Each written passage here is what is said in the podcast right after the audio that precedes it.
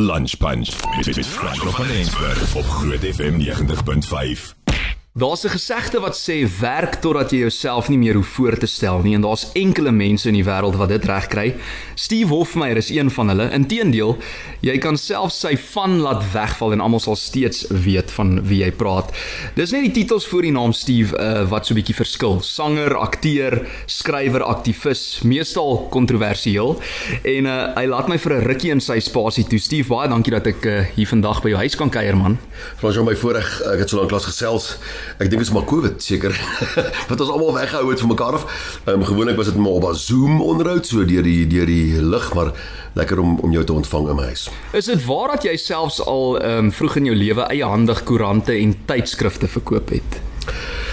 Man, nee, nie eintlik nie. Ehm um, ek het eintlik alles al gedoen as 'n jong man. Ek praat nou van postskool studentejare.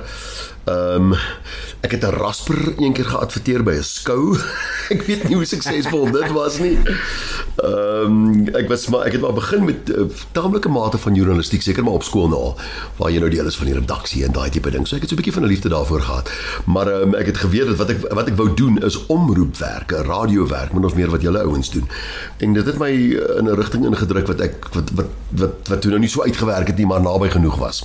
Drama skool. Jy gaan drama skool toe, maar daar word jy niks geleer van omroepwerk, jy weet. En ek het verlief geraak daarop op daai medium. Gebore in Pretoria, gebly in Henneman in die Vrystaat daarna en dit dit was matchbox karretjies onder die onder die perskebome het ek gelees waar jy toe op 14 ook as hoofseun van Laerskool Henneman gekies is. Sou jy sê jy was 'n gebore leier? Ja, yes, ek weet nie, ek weet nie. Miskien is 'n ou uh, die Engelse woord is seker maar assertive, jy het 'n ferm manier. Dalk het dit gehelp. Ek sien eintlik seker nie. Kyk, Henneman was 'n klein skooltjie. Ek weet nie of al te veel keuses was nie. Miskien was ek die langste, miskien was ek die vinnigste in, in die swembad of so iets. Maar ek's baie trots daarop. Ehm um, dit het op hoërskool ook 'n bietjie gehelp. Ek is nie heeltemal seker of ek ooit daaraan gedink het nie. Ehm um, en ek dink dit raak miskien gevaarlik as jy jouself begin sien, begin hmm. voorstel as 'n leier sonder dat mense op hulle eie besluit het jy is een. Ek dink dis miskien die regte manier om 'n leier in die hande te kry. Ag maar jy's ek weet nie of 'n skool 'n skool of 'n hoofseun in laerskool nou al verby tel nie, maar um, ek het dit baie waardeer en ek het dit baie geniet. Maar daarna speel jy toe in 'n ander liga by Grey College. Vertel my van daai dag by die uh, OK Bazaar in Bloem waar jy toe 'n TV-stel gewen het. Dis dis amper vreemd om te dink dat 'n gehoor van 40 jou daardie tyd uh, tydens die sangkompetisie so ietwat senuweeagtig gemaak het. Ja, nee, dis waar, maar jy is nog niks eintlik nie. Jy sit in jou binnekamer en speel gitaar en ewe skielik kondig OK Bazaar af van Bloemfontein. Daar's 'n groot prys vir die beste country sanger in Bloemfontein van ding. En uh, my vriend eintlik het my saamgesleep en ingeskryf. Ehm um, ek en hy het saam gitaar gespeel, so 'n bietjie saam gesing. En dit was 'n dit was vreemd. Jy gestaan op 'n verhoog, jy sing 'n liedjie, daar was 'n orkes voor my en daar was 'n taamlik 'n paar ervare sangers. En toe wen ek hom. Toe wen ek 'n TV. Op daai stadium was TV splinter nuwe goed. Dit was 'n klein TV'tjie en dit was 'n swart en wit TV wat ons kon verkoop vir 'n paar honderd rand. Toe ehm um, gooi ons duim af Port Elizabeth toe en gaan hou vakansie met daai geldjies. So dit was 'n vreemde introduction tot die tot die musiekwêreld vir my maar daarmee toe seker maar gesien het jy gaan alright wees as jy as jy voortgaan in daai rigting maar ek was nog steeds redelik skaam oor oor my musiek en oor my sang. En so gepraat van introduction jou ouma Jokkie en ek Jokkie ehm um, sy het vir jou gitaarkursus by Jannie Raad uh, laat neem so sy het jou op en af gery neem ek aan wanneer het jou liedjie skryf proses begin? Jy's reg hoe weet jy hierdie inligting dis ongelooflik dit maak my skoon wakker tot die verlede. ja my ouma het toe vir my die kursus gekry dis 'n gitaarkursus wat jy kon gaan doen het. Uh, ek het hom in persoon ontmoet destyds. Hy het uitgeadverteer in die koerante dat hy 'n AP op Bobbejaan eintlik leer klavier speel het. Ek onthou nog die advertensie. Hy sit so langs die Bobbejaan by 'n klavier. En my ouma het gereken as hy Bobbejaan kan klavier leer speel, gaan hy seker vir die jonges die Wolfmeyer leer gitaar speel. En dit was 'n baie goeie begin geweest. Ek was toe nog op laerskool. Hm. En jy het nogal deur 'n uh, hoërskoolonderwyser toe vir Koenie de Villiers ook ontmoet vroeg in jou loopbaan. Uh hoekom het hy later vir jou 'n mentor geword? Ja, kyk Koenie is uh van daai ouens wat ons almal het hom gekies as 'n leier. ek dink nie hy weet dit nie. Ons kyk baie op na hom, ehm um, sy liefde vir sy taal, sy verskriklike mooi taal gebruik natuurlik. Sy kalmte, dis wat hom 'n goeie leier maak as jy my vra. En en toe ek nou jare later, jy's reg, ek het 'n onderwyser gehad wat ook in 'n orkes gespeel het. Hy was my klasonderwyser en hy het my eendag gevat na uh, uh, plot uh, huis waar hulle geoefen het en daar teen 'n ou klaviertjie so upright piano teen die muur het Koenie gesit en speel. Nou, hy was nou nie Koenie de Villiers wat ons nou sou geken het nie, maar ek onthou die ou met hierdie groot brille wat ontsettend mooi klavier kon speel. En jare later het ek hom natuurlik herken as Koenie de Villiers. Nog meer jare later, dekades later, toe ek nou die eerste keer 'n kans kry om my eie geselsprogram aan te bied, het ek by hom gaan aanklop en hom gevra wat is wat maak die beste omroeper, 'n geselsaanbieder van 'n tipe van karakter. Wat wat maak hom goed? Watse vrae moet ek vra en hoe moet ek praat en moet ek weer gaan klas dra of wat? Hy sê vir my al daai is verkeerd. Wat jy moet kan doen is nie praat nie, jy moet kan luister. Hmm. En dit het my baie gehelp.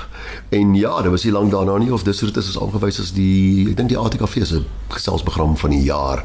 Ek dink meer as een keer. So ja, dit was lekker geweest. Maar Koenie is 'n groot merker in my lewe. En daar was baie reekse ook van van dis hoe dit is. Ek dink min mense weet dat jy self ook 'n uh, eh, die ander kant van journalistiek ervaar het. Jy het nou so vinnig daar daaraan geraak vroeër toe jy vir jou skoolkoerant die skinder rubriek geskryf het. en uh, jy het self al ook oorweeg soos jy nou sê om 'n radioomroeper te word. Maar toe is jy weermag toe. Hoekom het jy nooit regtig hierdie beroep sou jy sê nagejaag nie? Ja, ek was nog steeds onseker geweest. Um, ek was onseker oor my musiek geweest. Ek weet nie of baie mense jong mans op 'n skool sit en dink aan omroepwerk nie. Dit is nie 'n ding wat vir almal geval nie. Ons het geen voorbeelde in ons familie daarvan nie. Ehm um, ek het 'n onderhoud gehad op radio al in standaard 7 wat nou vandag graad 9 sal wees seker en Frikkie Wallis het dit met my gevoer. 'n uh, Ou gesoute joernalis. Ek sal baie bly wees as hy nog lewe. Ek dink hy's in Namibië en hy het ehm um, ek het 'n liedjie gesing wat opgeneem is op Bloemfontein, sommer by 'n ateljee en uh, dit was 'n tipe van 'n 'n cute, cute ding. Hy's 'n jong laaitie en hy sing oor die sneeu en die bome en die, al die Engelse maar mense vra vir my, "Hoe weet jy hoe lyk hoe lyk sneeu as jy in Bloemfontein bly?" so dit was so 'n tipe van ding geweest. Ehm um, en uh gedurende die weermag kon ek snaaks genoeg, ek was by Panserskool, maar meer tyd steel by klaviere en gitare en 'n paar ander ouens wat beter as ek kon gitaar speel. En as jy Neil Diamond kon sing in, in die weermag het dit baie gehelp, jy weet, um, die sersante en die al die al die offisiere wat laatnag braai kom haal jou. Daar waar jy dog jy slaap, kom haal hulle jou en sê van daai gitaar en nou sing jy Neil Diamond tot ons vir jou sê jy moet stop. so selfs daar het ek het ek myself begin skaaf, stadig maar seker begin skaaf en as die ander ouens se gat moet groei, moet hof my op die gat sit met 'n gitaar en dan moet hy vir hulle sing. Ehm um, soos die tyd wat voor ek klaar gemaak het met daai 2 jaar in in my in die weermag het ek al geweet dit gaan so iets wees. Ek het twee dinge oorweeg, journalistiek in Bloemfontein, uh, net aan die kant Grey College by die universiteit of 'n drama kursus by die Technikon Pretoria wat toe ook taamlik 'n hoog aangeskrewe ding was. Ek het geensins drama in gedagte gehad nie, maar waar dit is toe ek moes kwalifiseer met 'n monoloog, het ek nie eens geweet wat 'n monoloog was nie. Ek moes dit gaan gaan kyk, ek moes dit gaan opsoek. Het ons nie Wikipedia Google gehad nie. Hmm. Jy die woordeboek gaan soek en jy het 'n ding gaan ek het 'n gedig gaan leer wat natuurlik nie 'n monoloog is nie, maar 'n ek het die plek gekry in drama skool. En daar was toe nou na drama skool planne om musiek te maak, maar aanvanklik nie in Afrikaans nie. Hoekom nie? Ja, as baie soos vandag was daar 'n groot groep van die Afrikaanssprekende mense wat gemaak het of hulle nie Afrikaans was nie. Dis maar 'n siekte van die Afrikaner regdeur. En ehm um, as Afrikaner nie cool is nie, as Afrikaans nie cool is nie, doen die jeug dit. Ehm um, en daarom is my advies selfs vandag dit help nie ons forceer die jeug om van Afrikaans te hou nie. Jy kan dit in elk geval nie doen nie. Hmm. Wat jy moet doen is wonderlike dinge in Afrikaans sodat hulle Afrikaans wil sing, wil praat, wil lees.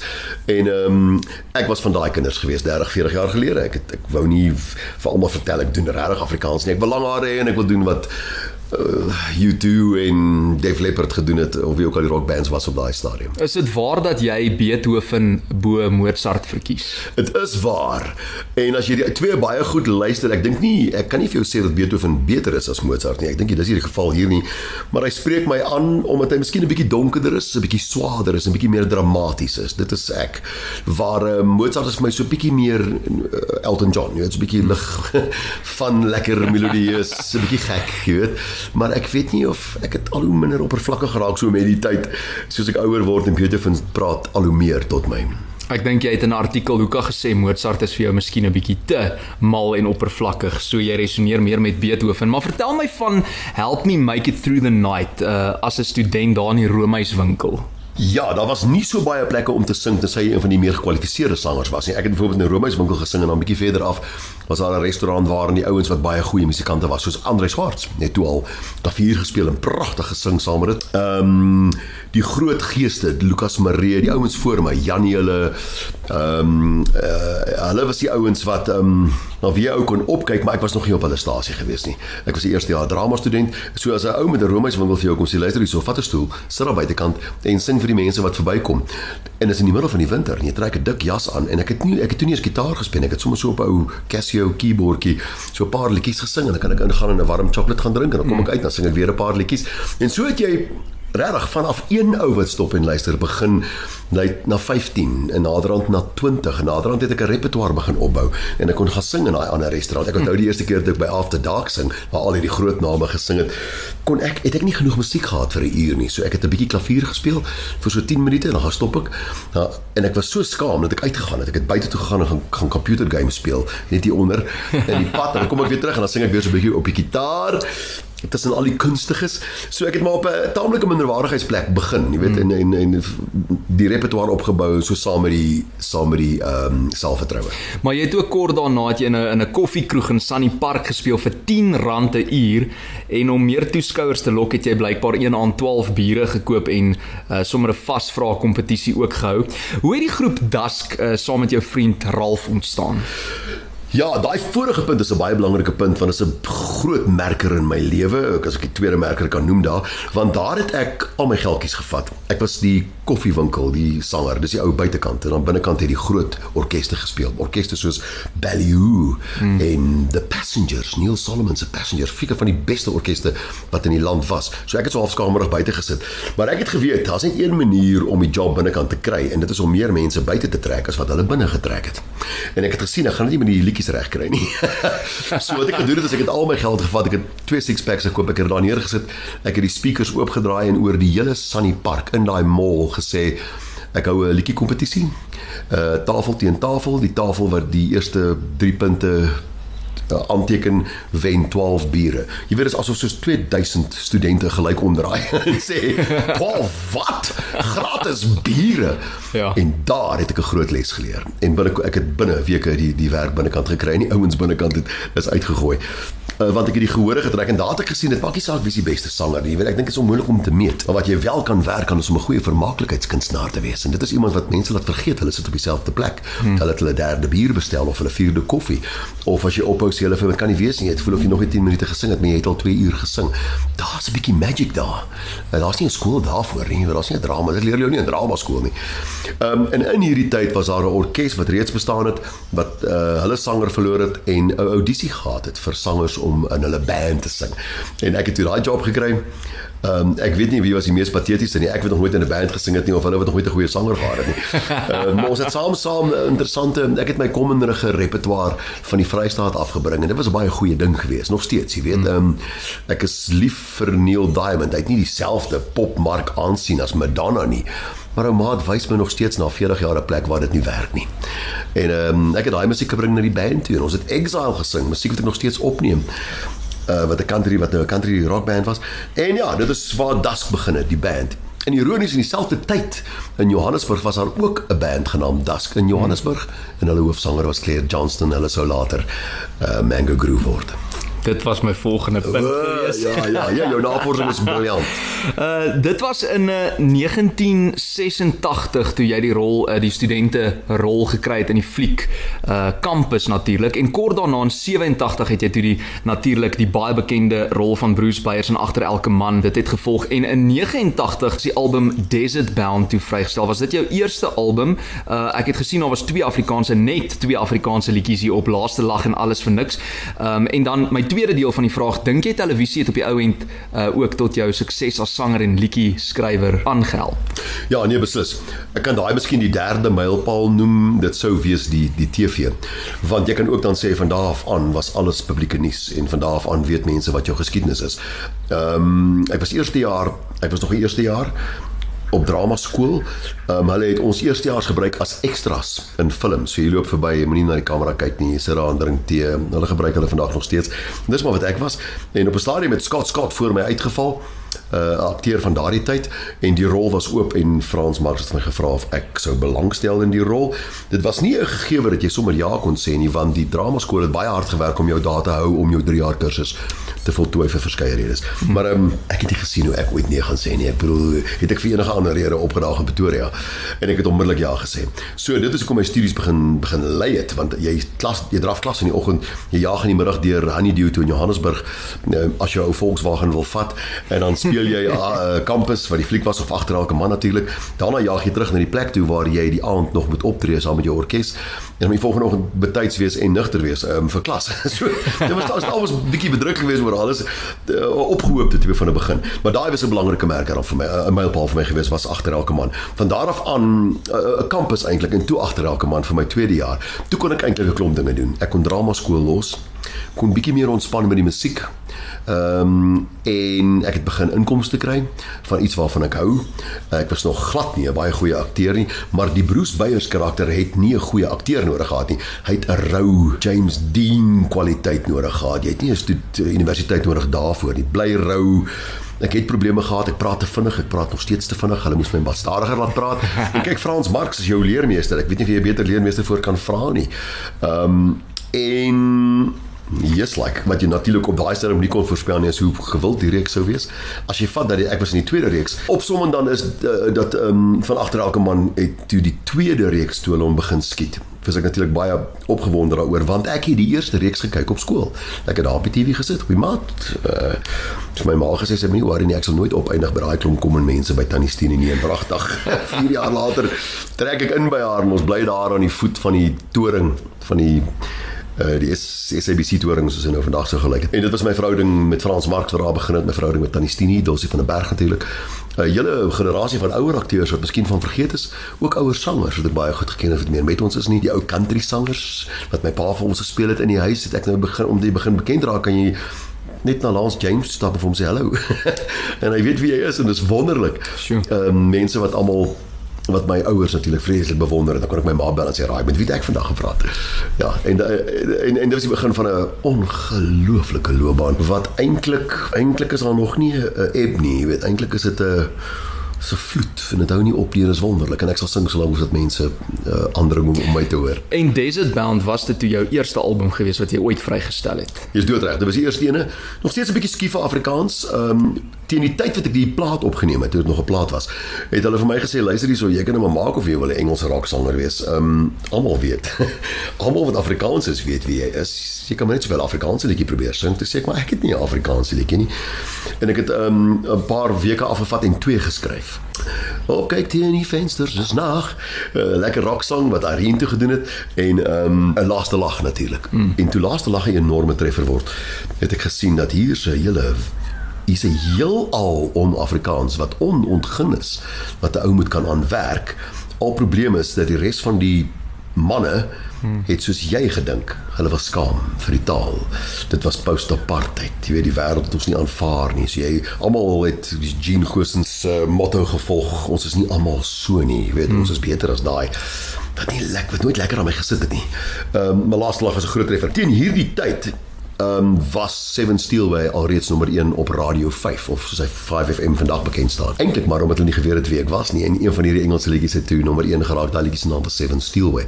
En ek het nog vir Johnny Cleveland troon op die nommer 1 posisie. As 'n jong boerekind van Bloemfontein af op daai stadium luister ek na die top 20 op Blouberg strand tussen 'n klomp van my vriende met um, vier bottels Muscadel. Het ons stormdronk geword hierdie liedjie nommer 1 is. Jo, wie sou dit kon raai? Maar jy het op 'n stadium ook gesê Steve, jou plek in Afrikaans was so tussen Houtstok en 'n uh, eh, FHK. By die FHK het jy met backtracks gesing en dan by Houtstok het jy onder Dusk opgetree. Hoekom was jou plek tussen die twee? Omdat dit dieselfde aand was. Ek het basies gejaag vanaf die een konsert na die ander konsert. Ehm um, ek was nie te gemaklik met die konflik tussen die twee nie. Daar was 'n groot bekleierery in die media tussen hierdie twee groepe nie. Soos gewoonlik hierdie alternatiewe gedink gedink hulle is die regte musiek, nie dat regte musikale term is nie, maar die ander ouens het gedink um, hulle het 'n groter gevolg, hulle is ryker, meer mense kyk na hulle, die popmusiek. Maar ryker en groter is ook nie musikale terms nie. Uh en ek het um, myself gemaklik gevind tussen die twee wat 'n nie beoordelende veroordelende posisie is nie. Ek was ewe lief vir Randy Rambo en die Rough Riders en vir Kerkol as wat ek as wat ek was vir vir Bless en vir Rina Hugo en vir Gey Korsling. So ehm um, ja, ek het myself aan die middel gevind. Ek was kwaad dat daar konflik was tussen die twee groepe. Intussen was daar nog 'n hele rits albums wat gevolg het, maar hoe dink jy dit gebeur dat jy later Neil Diamond se musiek begin sing en opneem het? Ek wonder ook as mense peiling doen in Suid-Afrika waar mense moet kies tussen jou Neil Diamond covers en eh, die oorspronklike Neil Diamond wat die uitslag sal wees, maar hoekom het jy in daai rigting ingeslaan? Ek sou aandring dat jy die oorspronklike ou moet gaan luister. Kyk die uh, my begin was dieselfde as meeste ander sangers wat 'n liedjie skrywer is. Jy wil hard werk om jou stem te vind. Jy gaan dit nie met een of twee albums doen nie. Jy gaan 'n hele paar albums moet opneem. En ek sien dieselfde vandag met Armand. Weet Armand wil nie gesien word as 'n halwe Neil Diamond of 'n halwe Steve Hofmeyr. Hy wil sy eie stem hê en uh, ek het dieselfde gevoel daaroor. So dis eers toe ek seker was dat my loopbaan veilig is, dat uh, jy begin erkenning kry as 'n goeie liedjie skrywer uh, dat die sale lekker vol is, dat mense jou waardeer, het ek dit gewaag om bietjie meer populisties te raak is miskien nie die ding wat jy doen want dit is 'n dis 'n no-brainer as jy dit doen werk dit. En ek het ehm um, ek het eers die tribute series gedoen waarby ek hulde gebring het aan sê maar Ballyhoo dan sing ek Man on the Moon. Ek doen ek het toe al Sunday Morning Coming Down van Christofferson gedoen en ek het Sweet Caroline een keer opgeneem. Liewe hemel, dit was nogal 'n storie. En toe dit sien sien ek, okay, uit daai reaksie gaan jy moet onthou om eendag terug te kom en Neil Diamond te doen. So dis nou 1989 uh 10 jaar later, 11 jaar later in die jaar 2000 het ek vir die eerste keer Beautiful Noise opgeneem. My album van uh, hulde aan al sy liedjies dink nie dis die sterkste album gewees nie. Dit was ou recording, dit was baie reverby, almal staan in hierdie leë hol kamers en sing, maar die hele wêreld het so geklink. Maar daar het my verhouding met Neil Diamond begin, net van die lekkerste musiek in die wêreld. Wat hy hou jou aanleer om nie te slim te raak nie. Skryf net 'n eenvoudige lied, kry 'n eenvoudige liriek um, wat 'n groot waarheid verteenwoordig en ek het nogal by daai formule probeer hou. Was die gerugte waar dat jy meer Neil Diamond albums in Suid-Afrika verkoop het as hy self? dit sal 'n goeie wees, 'n goeie een wees om uit te werk. Dit kan wees, ja, dit kan wees. Ek weet nie of mens enigiets moet doen daarmee nie, maar ehm um, kyk, as dit andersom was sou ek blyer gewees het. Kan ek soveel albums verkoop as wat hy verkoop het in die wêreld, jy weet. Dit sou beter gewees het. Ja, ag ek weet nie, dit kan seker wees, maar um, dit was 'n baie baie groot album in my lewe. Om die waarheid te sê, van my groot my grootste verkopers van al my albums was die eerste een natuurlik die Tuka. Die Tuka mm. projek was enorm. Hy's ook die ene wat Pampoen opgehaat het. Dit was enorm. En daai dae was dit eintlik onmoontlik om om om oor 200 000 te gaan en hy het in daai dae 200 000 verkope en meer gehad. Toe baie meer gehad. Maar my tweede grootste verkopende CD was Neil Diamond. Dit was nie die ander 34 series nie. Wat al die stories van jy mag nie cover nie en jy moet altyd oorspronklik wees. Dis 'n klomp bog. Wat jy moet doen is jy moet lief wees vir musiek. Hmm. En as jy wil hulde bring aan iemand, wys dit tog 'n bietjie eer.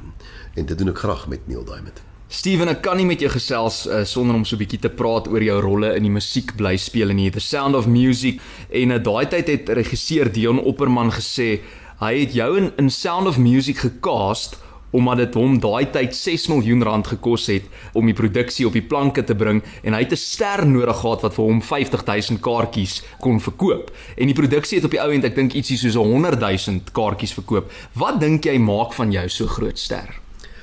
Jessie man, ek ek onthou Elvis het 'n wonderlike ding gesê. Hy het gesê I don't know what it is, but I know it's working. So ek probeer nie te veel formules uitwerk oor wat wat sou werk of nie. Ek ek hou daarvan om ander mense te vra wat hulle dink. Ehm um, ek dink die mens moet te veel jou jou aandag te veel laat aflei deur hoekom mense van jou hou nie. Ek dink jy moet dan ook jou eie noord volg, weet jou kompas naal, daar gaan jy. Dis lekker as baie mense met jou saamstem. Ek dink dis wat 'n gewilde kunstenaar sou maak. Ehm uh, maar ons werk is om op op die rand te bly van waar ander mense nie altyd kyk nie. Ek wil nou net sê baie mense stem nie met jou saam nie, maar hulle hou nog steeds van jou. ek waardeer dit as mense so objektief is dat hulle byvoorbeeld sê, "Ag, oh, stem nie saam met wat jy sê nie, maar uh, regtig weet ons ons hou van die musiek." En ek kry dit gereeld. Ek kry dit met swart mense wat sê, "Ja, ag, jy irriteer ons as jy jou mond oopmaak." Hmm. Maar die hemel weet ons gaan nog steeds die musiek koop. En ek sê vir hulle dieselfde, jy weet ek stem saam met Bruce Springsteen se ideologie nie, maar ek sal nooit op om hom te luister nie. So ek waardeer dit. Maar ehm um, ja, ek ek hoop daar's 'n manier om dit uit te werk en ek kan dit oordra aan ander mense, maar ek het ek het 'n idee die X-faktor is 'n likability faktor. Dis 'n likability. Dis nie 'n ding wat jy kan uitwerk nie. Daar's nie 'n operasie voor of medisyne of 'n kursus nie. Jy moet 'n jy moet 'n aanslag hê, jy moet met jou oor, soos ek altyd sê, met jou oor op die borsbeen van jou mense kan leef. Jy moet hulle verstaan. Jy moet nie hulle hartklop verstaan nie. Julle hartklop moet een wees. Ehm um, sodat jy nie iemand is wat tot hulle praat en sing nie. Jy sing uit hulle uit. Jy praat uit hulle uit. Jy verwoord die dinge wat klaar in hulle harte is.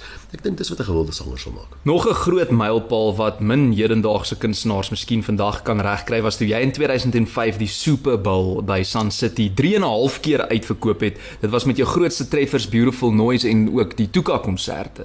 So um ek sê man net #just saying.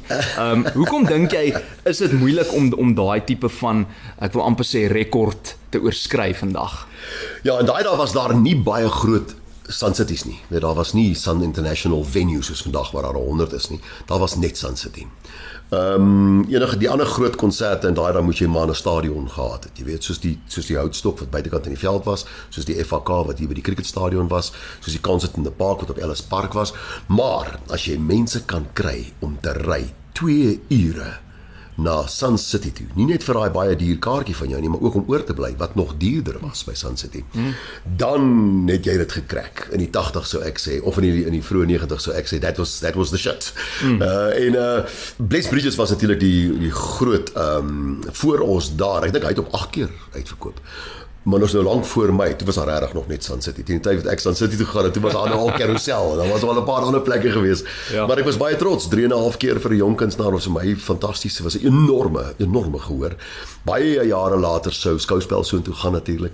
Uh, ek sou baie gereeld daar optree. Ek het nooit weer teruggegaan nie, maar dit was nie nodig om weer so ver te reis nie natuurlik. Jy kon van daai konserte natuurlik hier hou by by al die ander ehm um, hierdie groot casinos en double venues.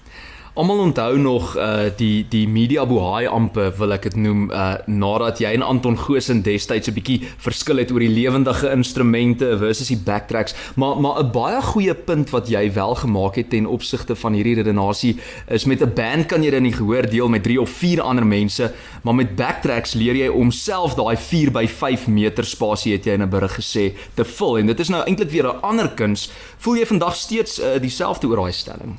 Ja ek voel dieselfde ek het nog uh, ek dink Anton voel ook dieselfde oor sy stelling. Hy voel dat backtracks is 'n onding. Hy voel ook dat om uh, covers te doen, ander mense se goeders te sing is 'n onding. Ehm um, hy ek kan nie al sy redes onthou nie. Ek dink sy rede was vir 'n backtrack is dat jy kon 'n band betaal het, tipe van ding. Hmm. Wat hy nie vir mense gesê het nie is as jy 'n klavier, 'n keyboard wat viole, 'n vioolklank. Ons noem dit 'n padding. Mm. As jy dit op die verhoog het soos hy het, is jy ook besig om 'n klomp vioolspelers se werk weg te vat. Ehm um, so ek het nie ek kon nie regtig val vir al daai debatte nie. Ek het 'n ek het 'n te lekker tyd gehad en die mense wat na my konsert toe gekom het 'n te lekker tyd gehad vir ons om te wonder of dit 'n sonde was toe een of ander vioolspeler ergens. En ek het nooit daaraan gedink nie. So ek en Anton het, het nog altyd gestry, nie net oor dit nie. Ons stry eintlik vandag nog steeds oor goeters. En dan praat ons vir so jaar die met mekaar. Ag en dan kry ons 'n bier en dan weet ons vir my al hierdie 28 onderwerpe kom ons drink 'n goue bier. Want ek is op 'n manier tog baie lief vir hom, maar ons is um loodreg verskil in ons aanslag as kunstenaars. Maar terloops, julle sit uh, die verskille toe agter julle in 2007 by die uh, by die huldigingskonsert van Vanus Rautenbach in aanhalingstekens vrede gemaak daar. En 'n album van jou wat nogal groot impak ook moet ek sê uh, op my lewe persoonlik gehad het, was jou 21ste album Waarmaker, net so vinnige. Ja, lekker een daai. My my ouma het dit vir my gekoop as 'n geskenk vir my aanneming, nê. Nee? Ja. Dit was 2008 se kant en dit vier amper jou mondigwording as sanger. Waarom het jy op daardie stadium gesê dit was een van jou persoonlikste albums gewees? Ek het dit gesê omdat ek deur persoonlike trauma gegaan het op daardie stadium. Ek was baie siek, daar was 'n egskeiding in die lug. Uh, dit is natuurlik uitgeblaker en dis ook die einde gewees van ehm um, kunstenaars se verhouding met die journalistiek tensy hulle jou begunstig het. Jy weet tensy jy 'n vriend was van die joernalis. Hmm. Van daardie af aan het die dieselfde ding wat Lady Diane doodgemaak het, ook in Suid-Afrika prevalent geword waar ehm um, kunstenaars kry groot geld, groot ag uh, paparazzi kry groot geld vir groot fotos en groot artikels en stories as hulle en ons wat uh, ons persoonlike lewens gedeel het met joernaliste is uitgelewer aan hulle want hulle kon al daai goed net so vat wat hulle wou. Nou dit maak nou nie ons onskuldig nie. Ek bedoel ek was skuldig en verdien al die punishment wat ek gekry het. Maar ek het gesien dat hierdie is nie my vriende nie. Ons het nooit weer vriende geword nie. Ehm um, die waarmaker toer was daai tyd gewees. Dit is 'n seer seer serie. Dit was 'n verstommende toer. Anton gelaik het. Dit was met die band, dit was met Andrius hulle. Ehm um, en dit was 'n rockerige konsert geweest. 'n sterk konsert, baie hard getoer. Dan's ek in die hospitaal, as ek uitkom, gaan ek weer en dan sing ek. Ek sing omtrent tot ek uitpaas. Ek het 'n maagoperasie gehad. Ek moes daai sakkie dra vir 'n klomp weke en ek het aangehou met sing. Ek het ook die Christofferson Huldeblyk gedoen in daai tyd. Alles musiek wat goed is as jy pyn het. Ehm um, maar ek is deur dit. Dit was goed vir my geloof. Ek moes 'n klomp dinge herdink. Ek het my ehm um, huwelik basies maar verwoes. Uh, daar's kinders betrokke. Dis omtrent die naaste situasie wat jy kan hê. Maak nie saak hoeveel keer jy die jeug waarsku daaroor nie. Lyk my mense gaan maar hals oor kop en val in daai selfe ou slag gehad in. Ehm uh, dis moeilik om 'n huwelik te maak werk. Dis moeilik om 'n gesin te maak werk. Ek haal my hoed af vir mense wat reg kry en al baie lank reg kry en my plan is om dit nooit weer nooit weer te verwoes nie in in reg te kry en um, ek probeer baie hard en ek dink ek slaag. Min Suid-Afrikaners kan sê hulle was deel van die roast gewees en uh Ek moet vir jou sê dit het my laat dink jy vat jouself ook nie altyd te ernstig op nie. Hoe belangrik is dit om om as alombekende kunstenaar steeds daai menslikheid aspek amper te behou en en en soms vir jouself ook te kan lag? Ja, dis 'n groot vraag met 'n helse antwoord. Jy weet jy um, mense sê jy raak minder braaf as jy ouer word, maar ek dink jy het meer inligting en dit raak moeiliker om te besluit. Jy raak miskien selfs 'n bietjie meer postmodern. Ehm um, dis snaaks dat ek as die jonger kunstenaar die vryheid van uitdrukking en spraak geniet het wat kunstenaars het. Soos my grootste probleem met Anton was nie dat hy lief was uh nie lief was vir musiek nie of dat hy werk wou gegee het vir kunstenaars nie. My grootste probleem was dat ek dit nie verstaan wat dit beteken het om vir 'n kunstenaar te sê jy mag nie. Dis al. Ek verstaan nie wat is hierdie beperking op vryheid van uitdrukking nie. Dit is waarvoor ons kunstenaars be betaal om te gaan sit in daai donker gate waar ons weier om te kyk of ons te sê wat aangaan aan binnekant. Ehm um, dis waarvoor ons digters en skrywers betaal. So ek het nie verstaan wat is hierdie lang lys van dinge wat jy nie mag doen nie. Dit is natuurlik 20 jaar later my baie seer maak toe dit kom by boikotte en verbannings waar jou linkse kunstenaars van ouds soos Anton vandag Neil Young vir 'n ou soos Joe Rogan sê hy mag nie hy het nie vryheid vryheid van uitdrukking en, en spraak nie. So ek moet sê die wêreld het vir my regtig op sy rug gedraai baie baie vinnig. Ehm um, okay, maar dit is die ja, dis is mis my lang antwoord op daai vraag. Ja. Ek het vroeër gesê jy weet jy het gemaak as iemand jou op jou voornaam noem en en almal weet van wie jy praat, maar dieselfde geld ook wanneer dit kom by jou vertonings en jy noem die nuutste een nou by die Atterbury net Steve Hofmeyer en mense vind vandag steeds daai emosionele, kulturele en ook die patriotiese vlak uh, van aanklank by jou. So net vinnig terug by die Atterbury 22, 23 en 24 Februarie, wat kan ons verwag? Kyk, dis lekker as jy net kan sê Steve want as jy op hierdie stadium in Suid-Afrika bly en jy weet nog nie wat jy gaan kry as jy na Steve Hofmeyer konsert toe kom nie. Dit is reeds waarop ek vertrou dat mense sê die naam is genoeg. Ons weet hy gaan nou right wees, hy gaan vir ons die songs doen wat ons wil hoor. Nou as jy al 35 series uit het, ehm um, raak dit al hoe moeiliker om van daai liedjies uit te laat. So ja, so 'n uur wat jy wat jy eintlik nie meer aan kan verander nie. Ek kan nie Pampoen uithaal nie. Ek kan nie Redgebed en Feeslied meer uithaal nie. Ek kan nie Blou Ballon uithaal nie. Ehm uh, meeste van die tyd kan ek nie die stem uithaal nie. Ek kan nie die land uithaal nie. Iemand sal vir jou kom voeter as jy die land nie sing nie. So ja, dan moet jy die country liedjies doen wat waarmee ek op toer was voor Covid uitgebreek het. So voor ek opgehou het met opnames wat ons eintlik maar almal gedoen het, dan sal daar een of twee nuwe liedjies wat intussen uitgekom het. Ek kort wat 'n groot treffer was. Uh, Pa Pa se hart wat 'n groot treffer was. So, nee, daar's meer as genoeg om te doen. Ek het 'n idee ek gaan tog omdat ek terugkeer vir die hoeveelste keer na daai wonderlike teater toe. Ehm um, gaan ek 'n paar 'n liedjie of twee ingooi wat miskien die vorige keer nie in die konsert was nie. Ehm um, en ek gaan ook stop en gesels wat ek die vorige keer nie gedoen het nie. Ek kan selfs 'n handskud of twee en die vorige keer het ons my elbow gegooi of gooi so elmboogie uit. Ehm um, kyk is 'n nuwe wêreld as ons weer kan gesels en nog 'n ding wat ek kan doen wat ek al vir 6 maande nie doen is om weer uit te kom. 'n uh, handtekening sessie, fotosessie kom gesels, koop 'n CD of twee, ontmoet mense wat ek ehm um, baie lief voor geraak het die afgelope 3 dekades. Jy het in 'n onderhoud met Ilsa Roggeband gesê jy sal eendag onthou wil word as iemand wat probeer het. Voel jy vandag steeds so? Ja, kyk ek wil nou nie so nederig wees om te sê ek het hom nou nie hier en daar 'n bietjie geslaag ook nie. Ek het 'n paar dinge aan reg gekry, maar um, dis nie vir my dat daar 'n doel wat is wat ek wil bereik en dan sê ek I've made it nie. Jy weet, ek sê tipe ou wat se moet sing tot ek omval. Ehm um, ek het met ou kunstenaars getoer wat dit gedoen het. Jy weet El Debo het basies gesing tot hy reg omgeslaan het. Lance James, daar was net geen einde aan Lance James. Hy het gesing tot die einde toe. Selfs Gey Korsten het gesing tot die einde toe en dis ware kunstenaars. En dis ek, maar ehm um, dankie. Nee, ek is ek is baie gelukkig. Ek het 'n klomp dinge gedoen wat ek nie verwag het nie. Ek het 11 boeke geskryf. Ek het nie gedink ek sou dit doen nie. Die hele wêreld nou so vinnig verander. Um, jy sê nou dink dis beperkend, maar daar het soveel baie meer dinge oopgegaan vir ons. Dis 'n nuwe planeet show music musika toe maak jy miskien nie meer series maak jy maar nou het jy ander platforms waar jy ander dinge kan probeer. Ehm um, so ek is baie lus daarvoor. Ek is baie lus om weer 'n paar ander genres aan te pak. Ek mis rock musiek. As jy so lank country sing soos ek begin jy weer rock musiek mis. Toe maar ek gaan nie jazz doen nie. Ek's nog nie daar nie. Ehm um, en miskien 'n paar liedjies hier en daar wat jou ouderdom is. Dit begin met oor 4 jaar sal ek begin goeie sing soos My Way. Ehm um, en dit sal vir my 'n voorreg wees. Hoorie Steve, is daar een spesifieke ding waaroor jy miskien spyt is in jou persoonlike lewe of in jou loopbaan van die afgelope hoeveel jaar? O nee, ek het 'n lang lys. Ek is 'n hele ou trok vol ehm um, spyt. Ehm um, nee, ek het baie goeders baie stadig reg gekry. Ek reken jy het miskien nie geweet nie, jy het miskien die verkeerde goed uh het jou besig gehou en jy het baie tyd gemors daarmee ek kon ek kon vroeër lief geraak het vir Afrikaans want ek vandag miskien nog beter Afrikaans gepraat. Ek is baie lief vir die taal. Ehm um, om om te skryf is ek al redelik goed meer, maar ek moet sê my net gewone spraak Afrikaans uit soos nou gesels Afrikaans my informele Afrikaans is maar 'n ou tragiese ding meeste van die tyd. Ehm um, ek dink ek sou vroeër dit wou gedoen het. Ek het nooit uh ek het my geval vir die narratief van die tyd. Ek het die geskiedenis nie werklik geken nie. Ek het die politiek nie regtig verstaan nie ek's nie altyd regtig so spyt oor my ja stem destyds nie want ons is natuurlik gelei deur 'n ding wat gesê het um, ons gaan meer gepraat ons gaan onderhandel. En ek het altyd gedink dis 'n wonderlike idee kom ons onderhandel deel die ou land is groot genoeg vir almal. Ek dink nie dit was die volle prentjie nie maar ek het net een helfte van die prentjie geken.